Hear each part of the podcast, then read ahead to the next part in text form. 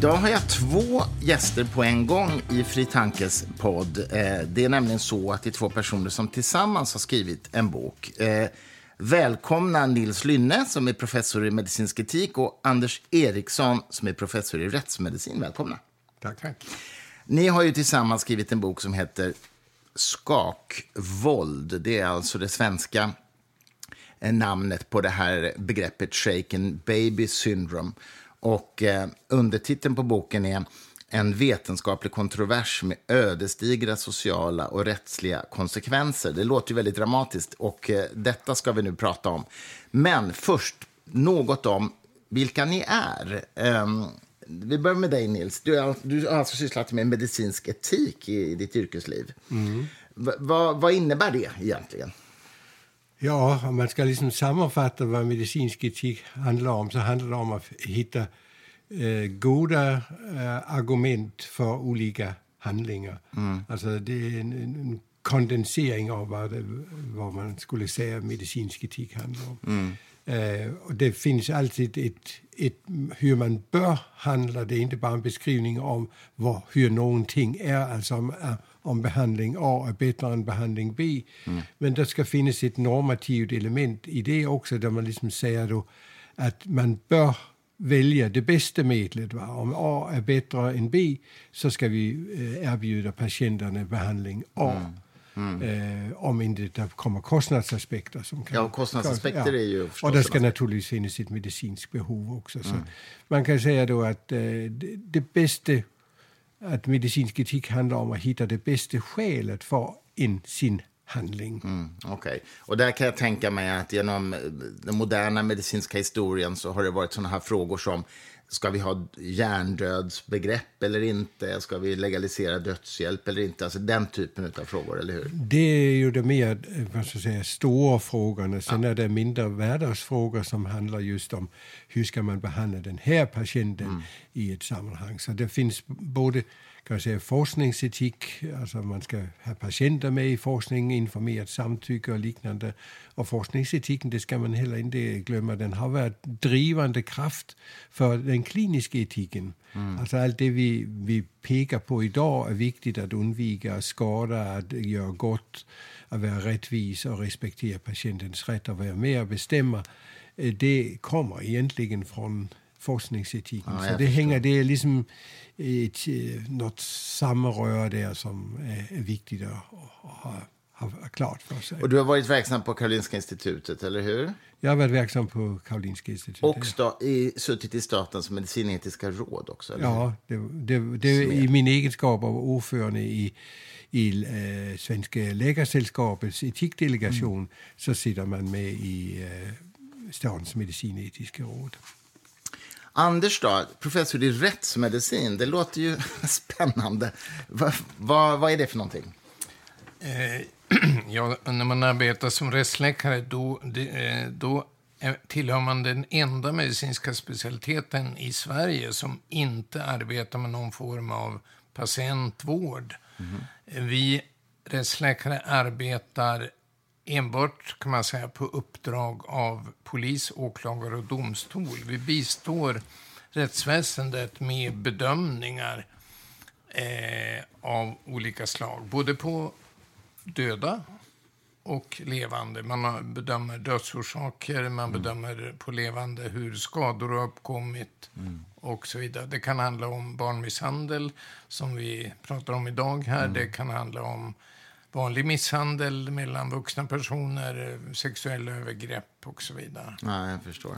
Och, och det, är, det är så att det, det är rättsmedicinska rutinarbetet, om jag får kalla det så. Sedan tillkommer ju då um, en arbete som professor. Då undervisar man ju studenter och forskar. Ja, just det. Eh, på, ofta på samma områden och frågor som man arbetar då kliniskt med. Så att, ja, och har du, har du också varit verksam på Karolinska då, eller? Nej, jag är född och uppvuxen i Umeå och mm. har arbetat eh, vid Umeå universitet och eh, den rättsmedicinska enheten i Umeå. Men jag har ganska bred och frekvent internationell erfarenhet också. Jag har jobbat i 10-11 länder sedan sekelskiftet med mm. rättsmedicin och sen på senare år eh, en hel del uppdrag som sakkunnig expert i domstolar i flera olika länder. Ah, Okej, okay. intressant.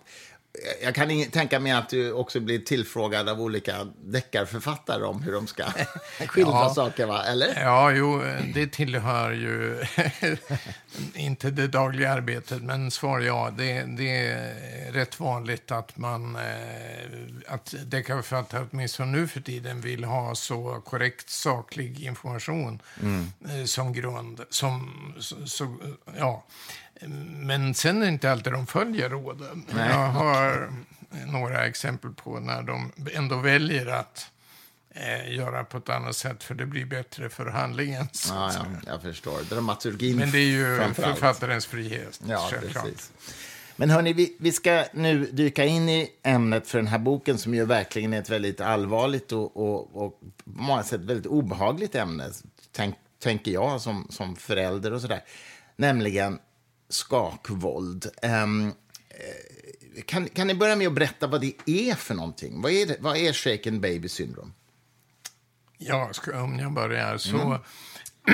alltså man tänker sig att en vuxen människa har ett spädbarn som skriker otröstligt och då till slut tappar den vuxne föräldern eller en annan vårdnadshavare besinningen. Mm. Greppar barnet runt bröstkorgen och skakar det våldsamt fram och tillbaka mm. för att få tyst på barnet. Det är så det beskrivs.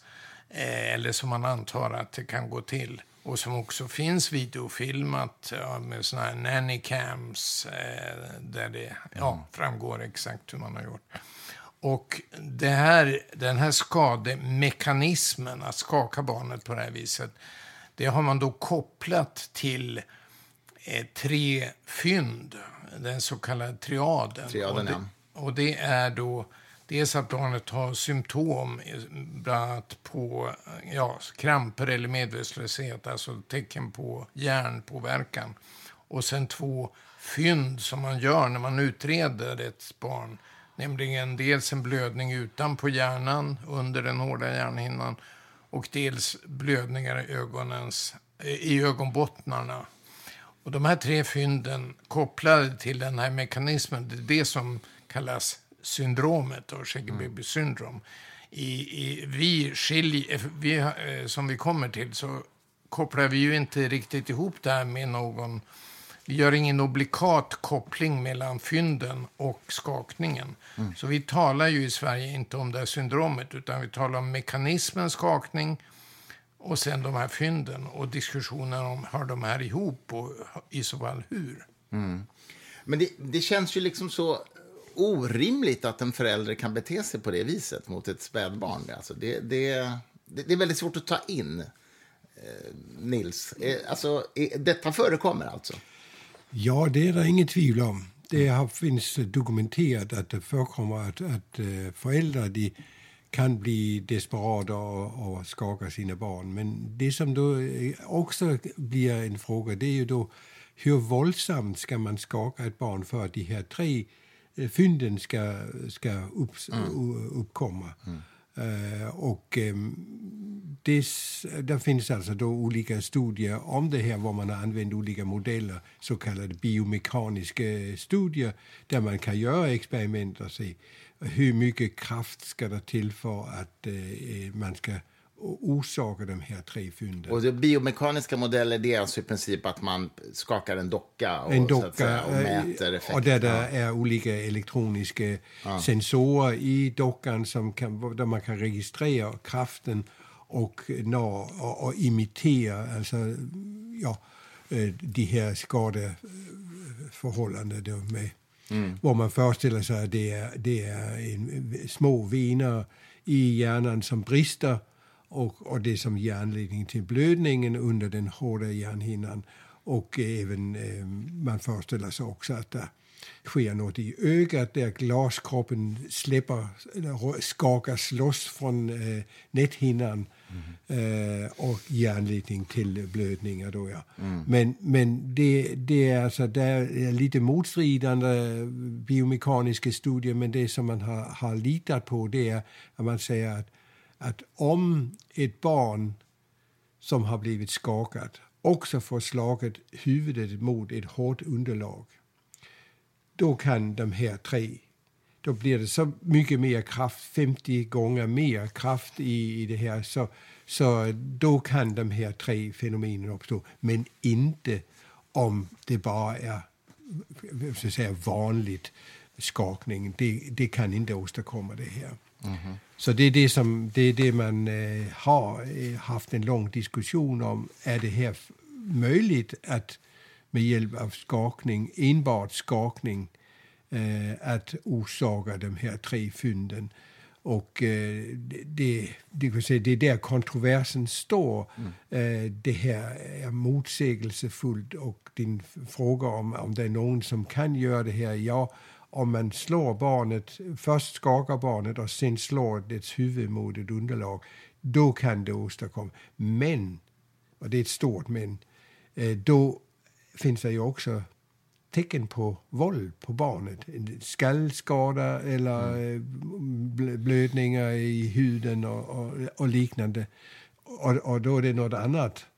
Eh, då, får man en annan problematik. Finns det några sådana där fynd då kan ju föräldrarna då säga att ja, det var en olycka, barnet, vi tappade barnet eller något, och då blir det en avgörelse med det. Mm. Men det vi pratar om, som vi har koncentrerat oss på, det är just de fall där det inte finns några yttre tecken på våld eller mm. trauma. Mm. Man ska ju komma ihåg att de här eh, anatomin och, i hjärnan och i ögat och överhuvudtaget är ju komplicerad. Så att det är ju egentligen inte möjligt att med en docka efterlikna hela den här komplexiteten. Så det är, ju, det är ju alltid ett frågetecken. Hur relevant är den här dockmodellen kontra en annan dockmodell kontra verkligheten? Mm, mm. Och man har ju även försökt skaka olika djur, lamm och grisar och annat. Och där har man ju problemet att deras anatomi är ju inte densamma som ett spädbarns. Eh, spädbarnet har ju en förhållandevis stor och tung eh, skalle och hjärna och svag eh, halsmuskulatur jämfört med djuren har ju eh, mycket starkare halsmuskler redan från födseln. Mm. Och, generellt sett. Så, mm.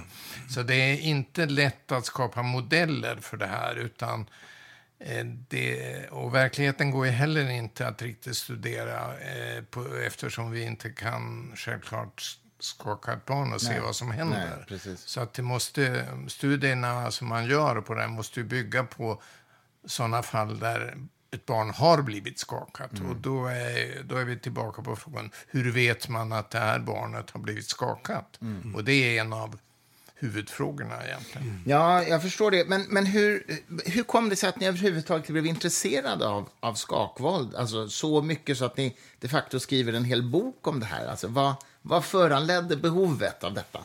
I mitt fall var det ju, är det ju så att som rättsläkare har vi ju att bedöma den här typen av frågor. Alltså mm. på uppdrag av, som jag sa, polis och åklagare. Eh, här har vi ett barn där man misstänker att någonting har hänt kan det ha varit si eller så. Ja. Så att det ingår i, bedöm i vårt eh, dagliga arbete. Inte dagligen, ska jag säga kanske, för det här är ju väldigt ovanliga fall i Tack Sverige lov, i alla fall. Ja. Så att eh, jag kan väl säga i min karriär, yrkeskarriär mellan 1975 fram till 2019 eh, så har jag väl sett något enstaka sånt här fall. Mm. Men Sen var jag, hade jag eh, anledning att bedöma några fall i ett så att säga, mer teoretiskt sammanhang inför en, bland annat inför en eh, rätt, eh, rättegångar. Eh, och eh, då eh, var det ett fall som skulle upp i Högsta domstolen. I Sverige? Eh, I Sverige 2014. Eh, dessförinnan hade jag, som jag tror de flesta av läkarna överhuvudtaget i vårt land och i de flesta andra länder, lärt sig det här shaken baby syndrom-tänket. Så man hade ganska oreflekterat tänkt att finns de här tre fynden? Ja, då har barnet blivit skakat. Men inför den här hov, eh, högst, förhandlingen i Högsta domstolen, då eh, blev det lite mer diskussion kring det här. Och bland annat med en kollega i Uppsala. Då, och jag började då penetrera den vetenskapliga litteraturen lite mer kritiskt. Mm. Och då började jag tänka att det här är nog inte så självklart som eh, man har trott. Och, och, och sen kom jag då eh, samma år, 2014, också in i SBUs utredning av det hela. Så det var min start på det hela. Och SBU är alltså Statens beredning för medicinsk och social utvärdering. Ja. Ska vi säga. Och eh, det, det, SBU gjorde alltså en utredning av detta. När då? 2014? Eller? 2014 till 2016. Det tog två och ett halvt ja. år faktiskt. Det var mycket arbete. Jag har mm. nog sällan varit så nära att gå in i väggen som alltså. under det här arbetet. Och varför, vad var det som föranledde att man utredde det här då? Var det att man började få eh, eh, tveksamheter kring den här triaden? Ja, jag kan säga då att för, för min del, jag, jag vet inte om det var jag som initierade det här hos SBU, men eh, jag skrev i alla fall ett, ett, ett, förslag att man skulle utreda frågan. Och det var med anledning av att det var en person som tog kontakt med mig. Jag har många personer som har tagit kontakt med mig och trott att jag skulle liksom fixa olika saker i min egenskap av professor i medicinsk etik. Och eh, då, då var det då så en som sa, presenterade den här problematiken som jag absolut inte hade någon aning om fanns överhuvudtaget. Och där, där sa jag bara, jag kan inte uttala mig om detta för jag vet inte vad fakta är i mål. Men jag kan skriva till SBU och föreslå att man utreder det. Mm. Och eh, så 2012 var det här så då skrev jag till SBU och, och gav ett eh, underlag för den problematik där fanns och, och, och med att jag har ingen aning om vad som gäller. Men det här förtjänar att eh, øh, utredas och då blev det utvald bland ja, øh, om det var 90 olika förslag som hade kommit fram så var det fem som blev utvalda. Det här var ett av dem. Och så 2014 så satte man igång med det här. Mm. Och då blev jag då tillfrågad att, att vara med och eh, andras likadant. Så ni, ni var med i utredningen som experter? Så att ja. Säga. ja. Okej, okay. och, och vad kom då utredningen fram till? Ja, eh, huvudfrågan var ju hur säker kan man vara på att ett barn som har de här tre fynden, mm. symptomen, har blivit skakat? Ja. Det har ju liksom varit en sanning, en oomtvistlig sanning att det här är säkert, säkert bevis för att barnet har blivit skakat. Och det har ju använts rättsligt då, så att eh, vårdnadshavare, föräldrar och andra har blivit dömda för att ha skakat barnet enbart på de här tre medicinska fynden. Mm. Eh. Och det, det, det, inser jag ju att det, det är naturligtvis jätteproblematiskt om det inte är säkert att det har blivit skakat. Ja. ja. Men, men vad kom då utredningen fram till om detta?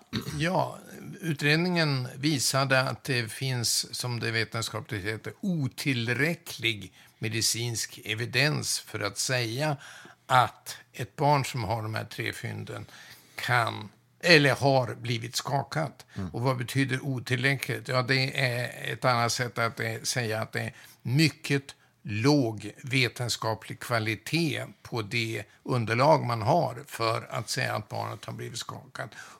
I klartext, man kan inte använda triadfynden för att säga att barnet har blivit skakat. Punkt. Mm -hmm. Okej. Okay. Eh, men, men, men, men man kan ju inte heller säga att, att det inte har blivit skakat, eller hur? Nej. Nej. Det, det kan det... ha blivit skakat, men vi kan inte vara säkra. Precis så. Mm. Ja, ja, huvudpunkten, eller ett av de stora problemen, det är att kommer föräldrarna och säger att eh, vi har inte gjort någonting så litar man inte på föräldrarna därför man anser det här, de här fynden, de talar så starkt för mm. att det eh, har blivit skakat därför det finns ingen annan förklaring till mm. deras uppkomst eller dem till synes. Man, man har alltså liksom då accepterat det, det vill säga andra diagnoser som kan ge det här olika infektionssjukdomar, olika cancersjukdomar och en rad andra tillstånd som kan orsaka det här. Men, men det är det som är problemet, man litar inte på föräldrarna eh, när de kommer och säger vi har inte, vi har inte gjort någonting.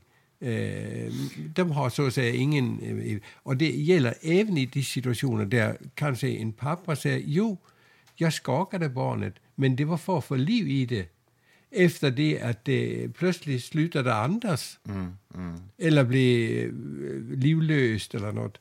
Och, och, och, och, och det litar man alltså inte på. Och det är det som är... Det, jag skulle säga då, det här förtroendet för föräldrarna och misstanken om att alla föräldrar skulle kunna göra något sådant här.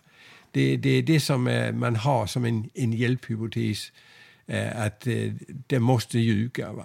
Mm. Och det här är ju, mm, kan man säga, tvärt hur det i övrigt fungerar inom sjukvården. Där utgår man ju från patientens berättelse om sin sjukdom. I det här fallet kan ju inte spädbarn själv förstås berätta. Men man utgår ju från ja. att, att det ligger någonting i det folk säger. Fast här... Det, det, här är ju den stora skillnaden, just att ja. det är en möjlig förövare som eh, påstår någonting. Ja. Eh, så, så, det är ju inte riktigt jämförbart med att man litar på patientens berättelse annars. Nej, men å andra sidan kan man säga då, det är inte sjukvårdens uppgift att utreda eh, nej. Brott. Nej, nej, nej, det är sant. Men, men, men ni säger ju nu, bara så jag förstår det här, att SBU-utredningen kommer fram till att man kan inte dra slutsatsen att barnet har blivit skakat. Men menar ni att Menar ni att rättssystemet ändå gör det, trots att den här utredningen säger emot det? I, i Sverige eh, blir ju svaret nej. Eh, från och med 2014 och vi har en prejudicerande dom i Högsta domstolen som i princip säger att det måste finnas stödbevisning. Det räcker inte mm. med tre fynd, medicinska fynd som dessutom är osäkert vad de betyder. Mm. Så i Sverige har det varit eh, i princip helt lugnt sedan 2014, okay. med något undantag. Okay. Eh, men internationellt har vi ju andra länder som... Vi har ju nog inget land som har gått så långt som Sverige, tror jag, eller eh, vad jag känner till. Men däremot så finns det ju flera länder, eh, till exempel Norge och England, eller hela UK, som fortfarande tror på det gamla konceptet. Det vill säga, mm. de här tre fynden bevisar skakning, punkt. Men okej, okay. men, men, förklara för mig då, hur, hur är det möjligt så att säga, om det nu finns utredningsmaterial som väldigt tydligt säger att det är en orimlig, att det är en orimlig tolkning? Hur, hur kommer det sig att England inte bryr sig om det? Ja. Är det för att det inte är en engelsk utredning utan en svensk utredning? Det, det, kan nog spela in. Man tror förstås helst på sina egna pastorer, så att säga. Mm, mm. Men, eh, ja, men det, det, här är ju en sanning som är etablerad sedan 50 år tillbaka. Och som först på senare år har blivit ifrågasatt. Så att eh, alla läkare i världen, mer eller mindre då, är, har ju lärt sig att så här är det. Mm. Och det tar eh, tid att eh, vända den här promen. Mm. Helt enkelt. Mm, jag förstår. Mm, mm. Alltså jag, jag associerar ju, alltså som totalt icke sakkunnig i medicinska frågor, så tänker jag på några andra sådana här berättelser genom att, att man äh, länge trodde till exempel på bortträngda minnen och att äh, barn hade utsatts för sexuella övergrepp och sen trängt bort det och så vidare. Och, mm. och det var väl också så att säga en slags trend som resulterade i en del oskyldigt dömda, så som det verkar, eller hur? Mm. Och sen så till, slut så släpper den här trendens makt över rättssystemet. Mm. Eller, och det, är lite, det, det, finns någon likhet här, tycker jag. Mm. Håller ni med? Jo, och det, det så säger du, eh, när det gäller sexuella övergrepp mot barn har det också varit, eh, det har också rört sig om spädbarn. Mm. Och det, det är ju eh, ett, ett stort problem just när det handlar om oskyldiga små barn som man misstänker att det har skett ett övergrepp, om det är misshandel eller det är övergrepp mm. eller vad det nu är. Det blir oerhört känsligt därför att många ser det här, det, det är något av det mest kontroversiella överhuvudtaget mm. att, att uh, ge sig på ett litet oskyldigt barn. Mm. Så, så jag tror att anledningen till att det liksom har blivit fastslagen eh, på det här sättet som det har gjort, det handlar om att man vill skydda barn mot eh, övergrepp eller framförallt då barnmisshandel, skakvåld in, inbegripen. Då. Mm. Och, och, och, och, det gäller framför allt. Så det man kan säga man har egentligen eh, om läkare nu, eller barnläkare och de andra som är involverade, ögonläkare och radiologer och rättsläkare som berörs av de här frågorna, øh, de, de har man, man har alltså inte lyckats få dem till att ändra sig. Och vanligtvis, det är det som är intressant, det här SBU-utredningar, den brukar leda till att vården, eh, hälso och sjukvården anpassar sig och säger okej, okay, det är ny evidens, då måste vi ändra våra mm. uh, guidelines och våra sätt att hantera det här. Men inte när det gäller barnfrågor eller barnmisshandelsfrågor. Men, men samtidigt säger ni ju att det har ändrat sig i Sverige eh, sen, att det, är, att det är relativt lugnt sen 2014. Så att, eller? Ja, alltså, ja. Ähm, ja, det har ju skett lite grann. Man har ju plockat bort äh, vissa guidelines som sa att triadfynd betyder skakning, punkt. Mm. Okay. Det, det, de, sådana guidelines är bortplockade mm. nu efter mm. SPU-rapporten. Men det jag refererar till det är då rättsligt, att det har blivit lugnt. Det, det finns ju fortfarande eh, fall där det ifrågasätts, men där åklagaren inte går vidare eftersom vi har enligt mm. den HD-domen då krav som inte, i regel inte kan uppfyllas mm. i form av vittnen eller annan stödbevisning. Mm, okay. Så det, det, och det, ska man säga, det är det straffrättsliga. Så finns det det uh, förvaltningsrättsliga, det vill säga då att om man kan omhänderta ett barn Även om eh, högsta eh, förvaltningsdomstolen också har gått på samma linje så finns det en, en, eh, ett sätt att hantera det, alltså socialtjänsten som kopplas in också här. Och är det så att läkarna, barnläkarna och andra berörda är överens om att det här barnet har blivit misshandlat på ett eller annat, försummat eller vad man mm. nu ska säga, då måste vi göra någonting och då kan man omhänderta barnet. Och eh, se, mm. även om det överklagas så kan det liksom köra runt så där så föräldrarna egentligen förlorar eh, vårdnaden. Så du menar att även om man inte döms för skakvåld ja. så kan man ändå bli av med vårdnaden? Ja, ja och det, det sker ju faktiskt av och till, mm. även i vårt land. Eh, och det ju, har ju att göra med att beviskraven i straffrätt är ju ja, bortom rimligt tvivel, som det heter. Mm, mm. Det vill säga, det ska ju vara bevisat. Medan däremot i den eh, förvaltningsrättsliga delen, eh, vårdnad om barnet, där eh, utgår man från barnets bästa. Och det är, ja, det blir en bedömning från fall till fall givetvis. Men är inte det bra då, att man kan omhänderta barn?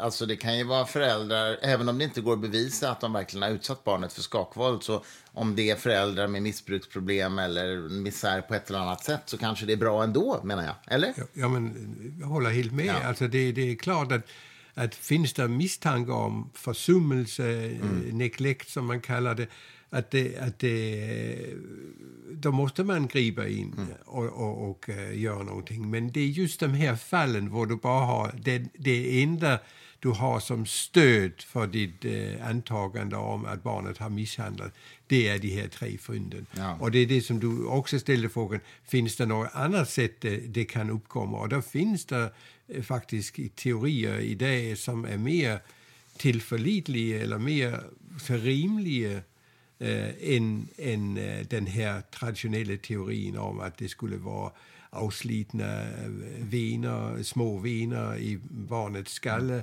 Mm. Det skulle vara avslitning av glaskroppen från näthinnan. Mm.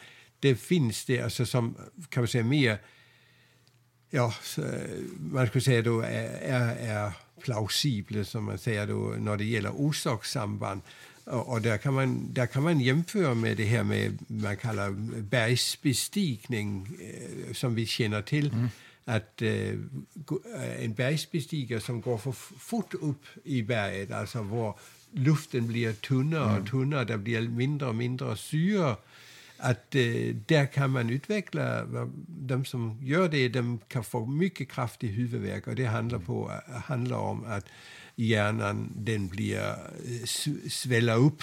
Och de här personerna, där har man sett att de utvecklar ehm, eh, näthinneblödningar mm -hmm, mm -hmm. eh, som är ganska på, påtagliga. Och det går ju inte att, att, att få upp ett, en, ett stort apparat som man kan titta i hjärnan om de har eh, blödningar under den hårda hjärnhinnan. Mm. Det är rent praktiskt, det går inte att transportera upp mitt i Tibet eller Tibet, en sån apparat. Så det har man inte gjort. Nej. Men de här undersökningarna i ögonbotten och, och tecken på hjärnsvullnad det, det, det, är helt klart. Så det är något sådant man tänker sig skulle kunna vara en alternativ förklaring. Mm. Att, att syrebrist till ett litet barn, det skulle uh, kunna orsaka de här tre fynden. Mm. Att det siver, så att säga, när det blir ett ökat tryck i hjärnan som hjärnsvullnaden leder till på grund av syrebristen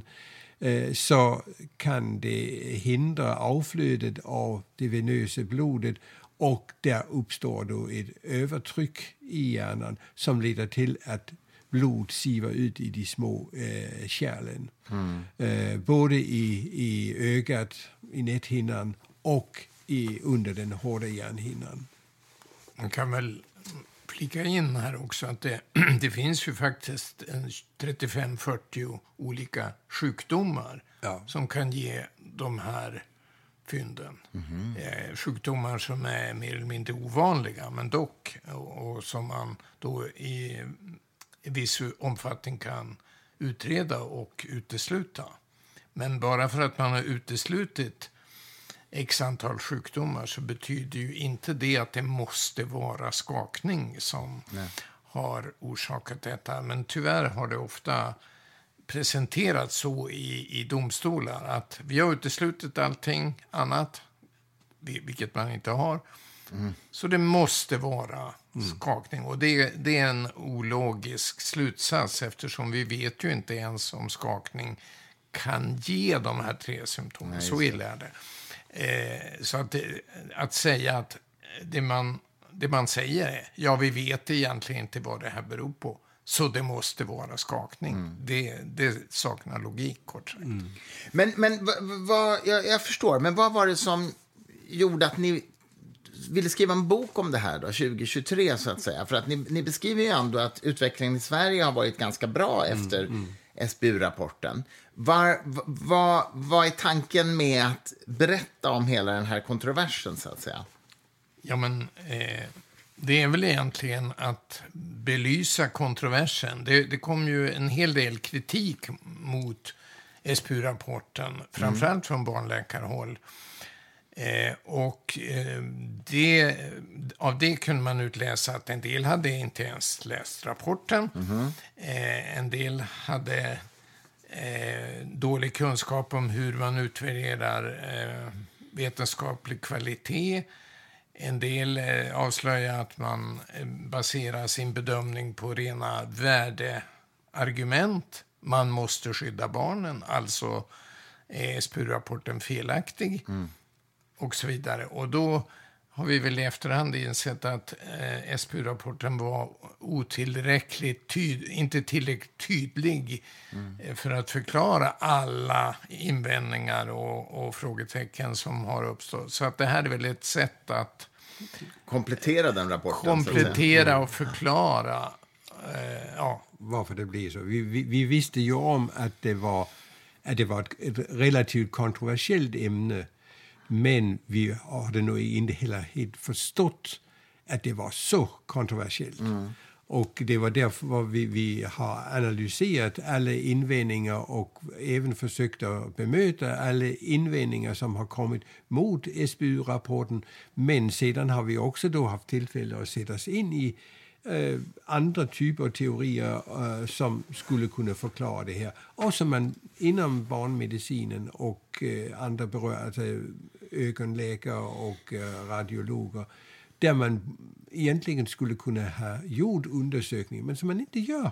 som kunde, ja, eventuellt kunde säga ja, det här det verkar inte rimligt. Eller något, men, men man gör inte det. Man håller sig till det här. Och min upplevelse av det här det är, det är, som andra säger, det är barnets bästa som går före. Och, det är, och läkarna till dels nästan eh, beter sig som om det var en jura som skulle avgöra om, om, man skulle, om det här är det ena eller det andra. För det är klart, inom det juridiska systemet, för ibland, det ska man också veta att det finns ju eh, några av de här barnen, eh, de avlider. Och mm. Det är en, cirka en tredjedel av dem och eh, det, tre fjärdedel eller två tredjedel överlever. Och ibland är det utan några symptom, ibland är det med efterverkningar också. Mm.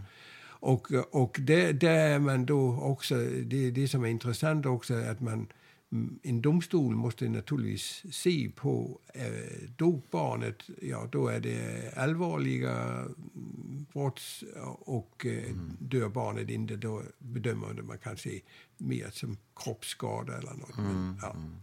Men, och det, det är min poäng här, det är, jag tror alltså att äh, en del läkare de sitter och uppfattar sig själv som jurymedlemmar i en domstol. Mm.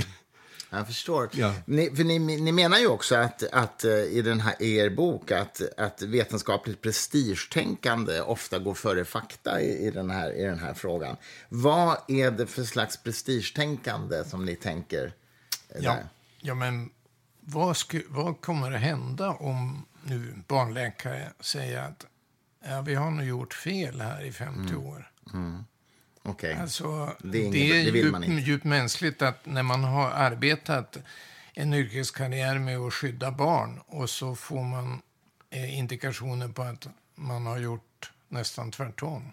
Man har, man, har, man har tagit ett barn från en fungerande familj, man har tagit till och med syskon, placera om. Alltså det är inte läkarna som gör det, men mm. det blir ju effekten ja, av läkarnas mm. bedömning.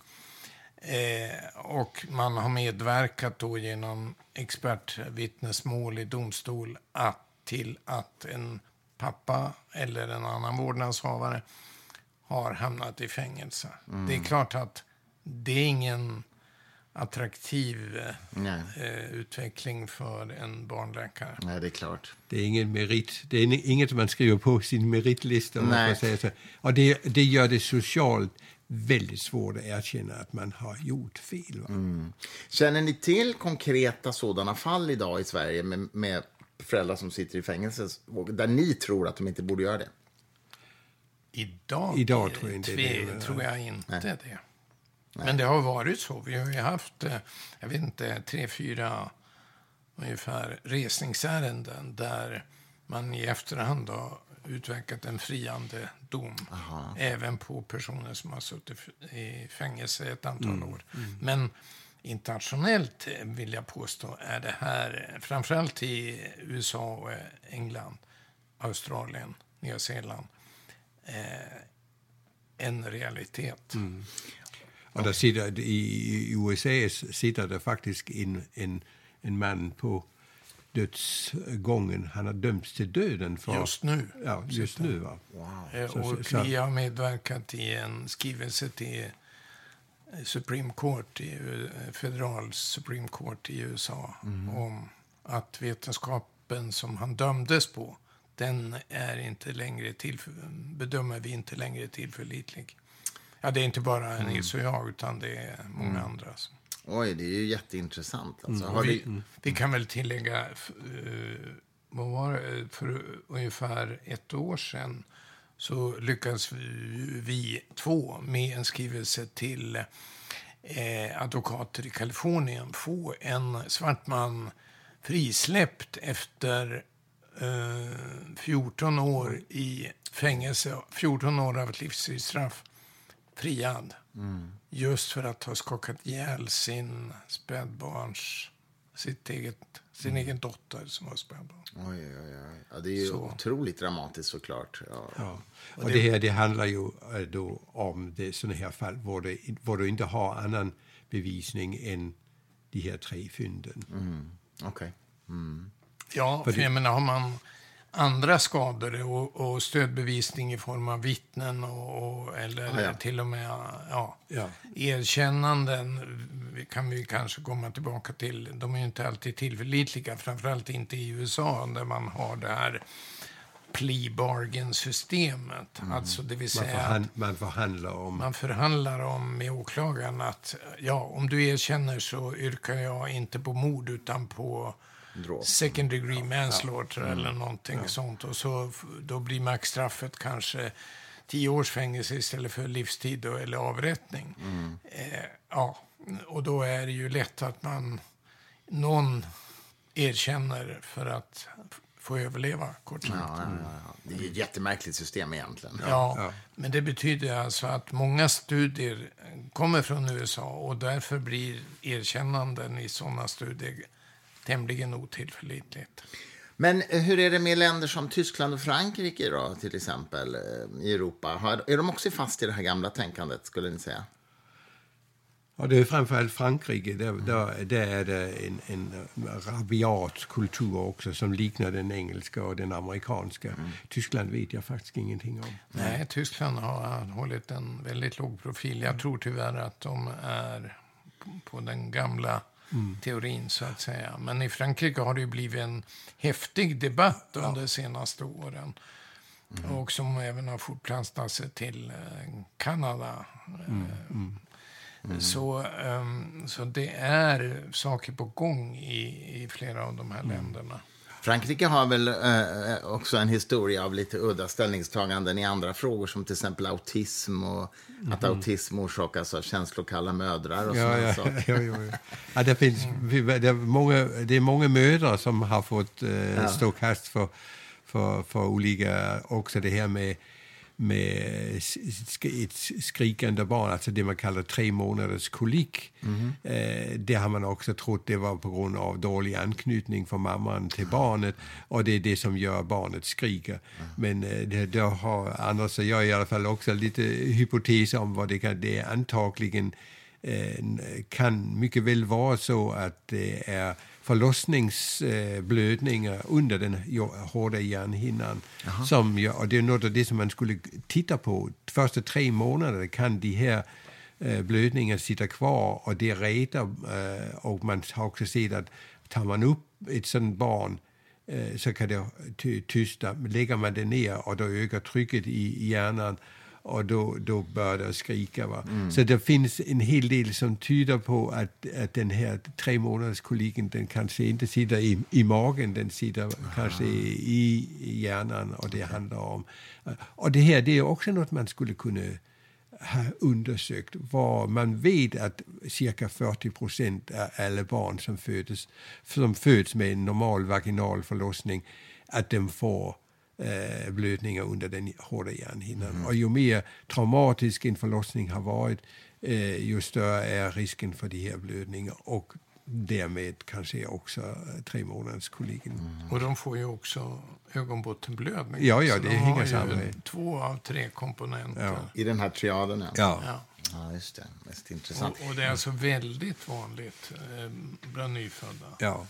Och det, man, man, tyvärr kan man väl säga att eftersom man har ansett i 50 år att man vet orsaken till de här tre fynden så har forskningen inte gått framåt. Nej, just det. För man tror att man var klar. Man, Ja. har, man har hittat den slutgiltiga sanningen. Va? Det är det som är bekymret. Man har inte ens liksom haft den här ödmjuka insikten. Jamen, det kan kanske finnas andra orsaker till och det bör vi undersöka.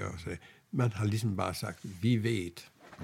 Ja, och de studier som har kommit även nu, är, man eh, hittar argument för att det man har trott är korrekt. Ja. Alltså, trots att eh, de här studierna då också är behäftade med felaktigheter och brister.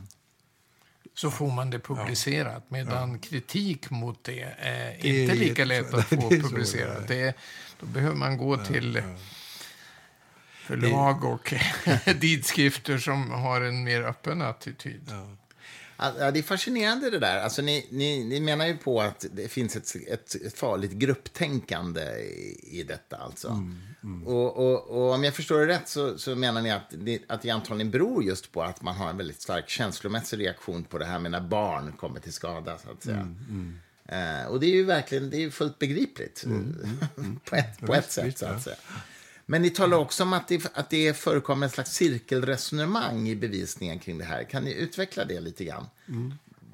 Mm? Ja. Nils. Alltså, det, det är ett cirkelresonemang, och det är det, det man, att säga, när man talar om cirkelbevis eller cirkelresonemang, så har det alltså betydelse för den, det man kallar den diagnostiska träffsäkerheten. Hur säker kan man vara på att någonting är? Och det, där uh, øh, gör man lite beräkningar. Men det kan bäst förklaras genom att du föreställer dig att lungläkare får för sig att, uh, øh, att de, som, de patienter som får lungcancer, de måste ha rökt. Mm. Och, och, det trots det att idag vet vi att det finns två olika former för lungcancer. Det finns de som är kopplade starkt till rökning, men det finns också en annan teori som säger att du kan få det, eh, en annan typ av, av cellförändringar som, som eh, leder till att du får, kan, kan få lungcancer utan att du har rökt eller ens varit i närheten av, mm. av rökning. Men om lungläkarna plötsligt fick för sig att alla som har eh, lungcancer, de har rökt. Mm det är det som är orsaken. Mm. Och då, så gör vi en undersökning av om det faktiskt stämmer. Ja, men då har man då lungläkaren, de kommer fram till att alla som har rökt, eller alla som har lungcancer, de har rökt. Mm. Och så får man på det sättet eh, ihop och, och får ju fler undersökningar man gör den här typen där man liksom eh, utgår ifrån att det är sant att alla som har lungcancer de har rökt så blir den diagnostiska träffsäkerheten den blir perfekt.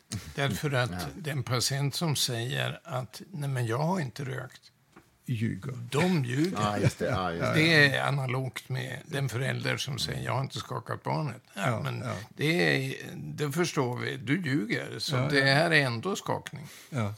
Det låter ju lite som, som Freuds metoder att säga liksom att uh, det här är min hypotes till, till att du känner så här. Och förnekar du det, då beror det på en försvarsmekanism. Ja, och då är det ja, ännu starkare äh, argument ja, för att du måste ljuga. Ja, Självbedrägeri.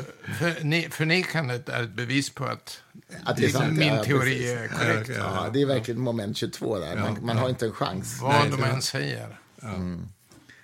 Ja, intressant. Jag vet att innan vi började spela in podden så nämnde du, Anders, om, eh, om en brittisk läkare som hade råkat... Kan du berätta om det? För jag tycker det var intressant. Egentligen tror jag Nils kan detaljerna bättre, men i korthet är det så att denna kvinna, en äldre eh, neuropatolog, Wayne Squire, hon insåg redan ja, omkring 2005 att det fanns brister i, i bevisningen, eller det vetenskapliga underlaget för eh, Shagging Baby-teorin. Mm.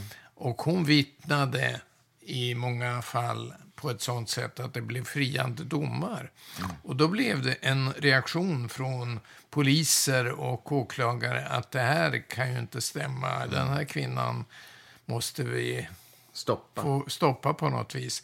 Så hon blev ja, åtalad för att ha gått utanför sitt expertområde. Vilket man ju kan undra över hur man kan bevisa det. Jag menar, medicinen är ju ett enda expertområde som mm. flyter, inte har några skarpa gränser. Men eh, hon blev då mm, avtagen sin rätt att arbeta som läkare, det vill säga motsvarande att hon blev av med sin legitimation. Mm. Plus att hon förhindrades att uppträda som expertvittne i domstol under en längre tidsperiod, tre år mm. tror jag det var. Mm. I senare, när hon överklagade detta, fick hon tillbaka sin legitimation. Mm. Men fick fortsatt förbud att yttra sig i domstol. Vilket ju vi i Sverige med fri bevisning tycker är jättekonstigt. Ja, det, naturligtvis. Ja, det är klart. Eh, och hon har ju dragit sig tillbaka från, mm. eh, efter det här mankemanget då, så har hon ju dragit sig tillbaka. Men hon finns i bakgrunden och, och supportar föräldrar, ger dem råd att eh, eftersom du ingen brittisk läkare längre vågar ställa upp för försvaret i de här frågorna eftersom då riskerar de sin legitimation och sin framtid och blir utmobbade. Det är en väldigt stark eh, mobbningsverksamhet som pågår mot de här lä läkarna mm. som avviker från mainstream.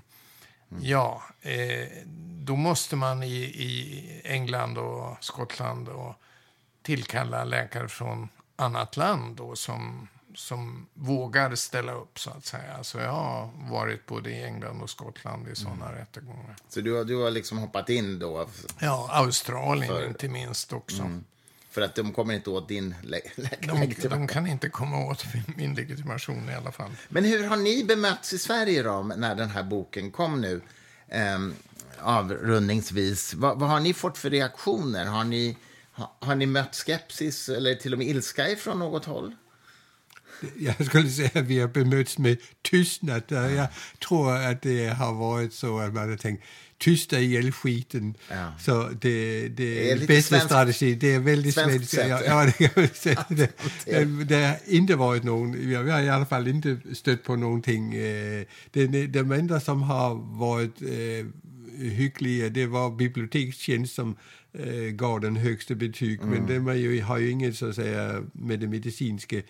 Och så har vi fått en liten reaktion för Nor Norge också som var positiv i en recension. Mm. I, men den har inte ens recenserats i, i svenska läkartidningen. Men det kanske ja, det, kommer, det vet det vi inte. Märkligt, ja. faktiskt. Ja. Så. Det, det är verkligen det är anmärkningsvärt. Ja. Men, men eh, jag tänkte, trodde du menade om vi fått reaktion mer på det personliga planet. Ja, det undrar jag också och, faktiskt. Mm. Men vi är ju ja. båda eh, pensionerade eller i den regionen i alla fall. Och vi är väl ganska oberörbara genom mm. att vi, vi är Ja, vi håller den inne, vi mm. står på våra egna ben, vi är inte så känsliga. Jag har varit med ett tag, vi är lite luttrade. Ja, men, lite eh, luttrade. nej, så jag har inte upplevt någon direkt personlig... Eh, men det, det har ju förekommit mot andra individer, det vet vi ju. Ja, ja. Även, även här i Sverige. Även här i Sverige. Ja. Så, nej, men det är ju... Så för yrkesaktiva är det nog inte helt lätt ens här. Nej, jag skulle säga, jag skulle inte vilja rekommendera äh, yngre personer som vill tänka på sin karriär och, och, och, mm. och träda fram här. Även om det kommer så småningom, tror jag. Men, men äh, i, i det här läget är det, är det med sin karriär som insats att man yttrar sig äh, mot mainstream uppfattningen. Och vi har ju förstått att medicinska redaktörer som i sin tidskrift tar in eh, kritik som vi och andra riktar mot eh, det traditionella sättet att se på det här. De kan också utsättas för press och, av förespråkare för gamla teorin. Mm. Så det, det, det, man kan säga att det är ganska lågt i tak när det gäller den vetenskapliga mm. diskussionen av de här mm. frågorna. Och det, det kan vara strategiskt, det kan vara någon som faktiskt tycker att det ska vara högt i tak och vi ska ha en intellektuell diskussion om de här frågorna. Men som får backa för det här, mm. annars blir vederbörande utsatt för... Ja, det var ju till och med så att Eh, en, eh, en kollega till oss hade en artikel accepterad och även vi hade en artikel accepterad i en australiensisk tidskrift. Men det drogs tillbaka i ett senare skede efter protester från förlaget, tror jag det var. Ja, det var förlaget mm. som, som sa det här, det håller inte juridiskt om det blir så att det blir... Så, så de, mm. de back, backade ut. Och vi hade ju också den här Wayne Squire som du, du nämnde. Uh, där var det, de fanns, det finns en tidskrift som hade, heter Prometheus. Mm -hmm. som då tar upp vetenskapliga uh, kontroverser och, dis, har en diskussion. Och då var det, det, vad det skulle mm -hmm. vara en sån här en hel ett helt tidning som skulle handla om, om uh, skakvåldsproblematiken mm. där. Och då, det var där man också, hela förlaget, sa upp kontraktet med den här tidskriften. Och den fick då så småningom byta till ett annat förlag. Då. Men, men eh, så, alltså det här är ett, Starka ett, krafter. ett starka krafter där sätts igång. Här. Finns det fler områden inom medicinen som, har, som, har, som är lika laddat som det här, tycker ni? Alltså, finns det fler sådana domäner? Dödshjälp kanske? Ja, det kan man säga då, men, men alltså, det har ju varit eh, vetenskapliga kontroverser. Om vi går tillbaka till, till då man trodde att magsårssjukdomen eh, den var den var orsakad av stress. Eh, Det var olika teorier om det. Eller det var någon dysfunktion i de celler som producerar magsyran. Och så. Det var, det var där en liten kontrovers. Men det var inte något som satte eh, himmel och, och, och, jord i, i, i gungning på det sättet. När det kom då, eh, kan man säga, evidens för att att antibiotika fungerade och det var någon som hade framsatt den här hypotesen några år eller tio år innan.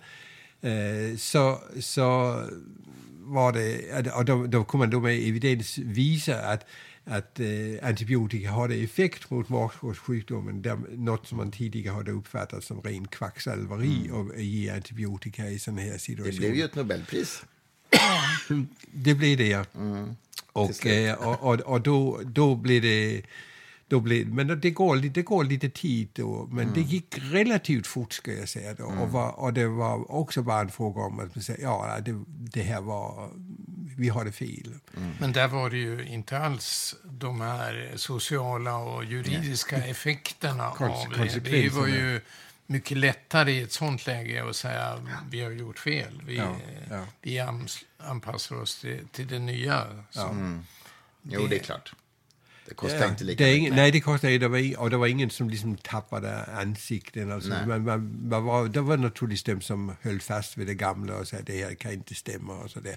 och det handlade ju också om det här med att det fanns olika mekanismer och uppfattningar. Man trodde att, att eh, de här eh, skulle det kunna vara en bakterie överhuvudtaget. Det, det var många som utgick ifrån att det var fullständigt omöjligt att tänka sig därför att eh, när, det, när de här bakterierna skulle finnas nere i magsäcken och det var ett sånt där syreanfall, eh, eller det var producerades mm. syre, cellerna som producerades syre. Det skulle inte vara möjligt. De här mikroorganismerna skulle helt enkelt dö av det här. Och därför var det omöjligt att tänka sig. Så, Men man, man förstod då sedan att de här mikroorganismerna de bakar sig in bakom cellerna och därmed kan de överleva. Och, och då fick man liksom förklara, ja, då var det inget mystiskt längre. Och då, Nej, då blev det allmänt accepterat och det var ingen, tror jag, som får illa av detta. Eh, och som sagt, de som kom på det framställde den här kontroversiella hypotesen att det var bakterier. Eh, de, de fick som sagt Nobelprisen som Ja. ju är en tröst, tröst i efterhand att få reda på Jag det. vill minnas att eh, Nobelpristagaren eh, själv drack en, en Ja, det är riktigt. här. Ja, ja, jag får visa att man kunde vara...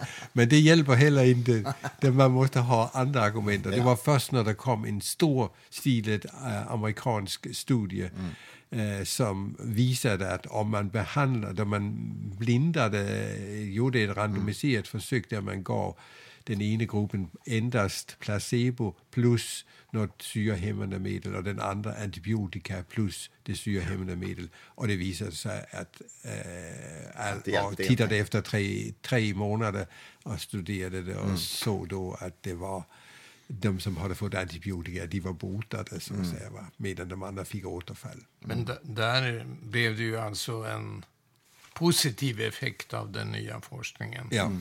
Vad, eh, om vi går tillbaka till skakvåld, vad händer om man skulle släppa den här gamla teorin? Ah, ja, men det får ju enorma konsekvenser genom att folk sitter i fängelse till exempel.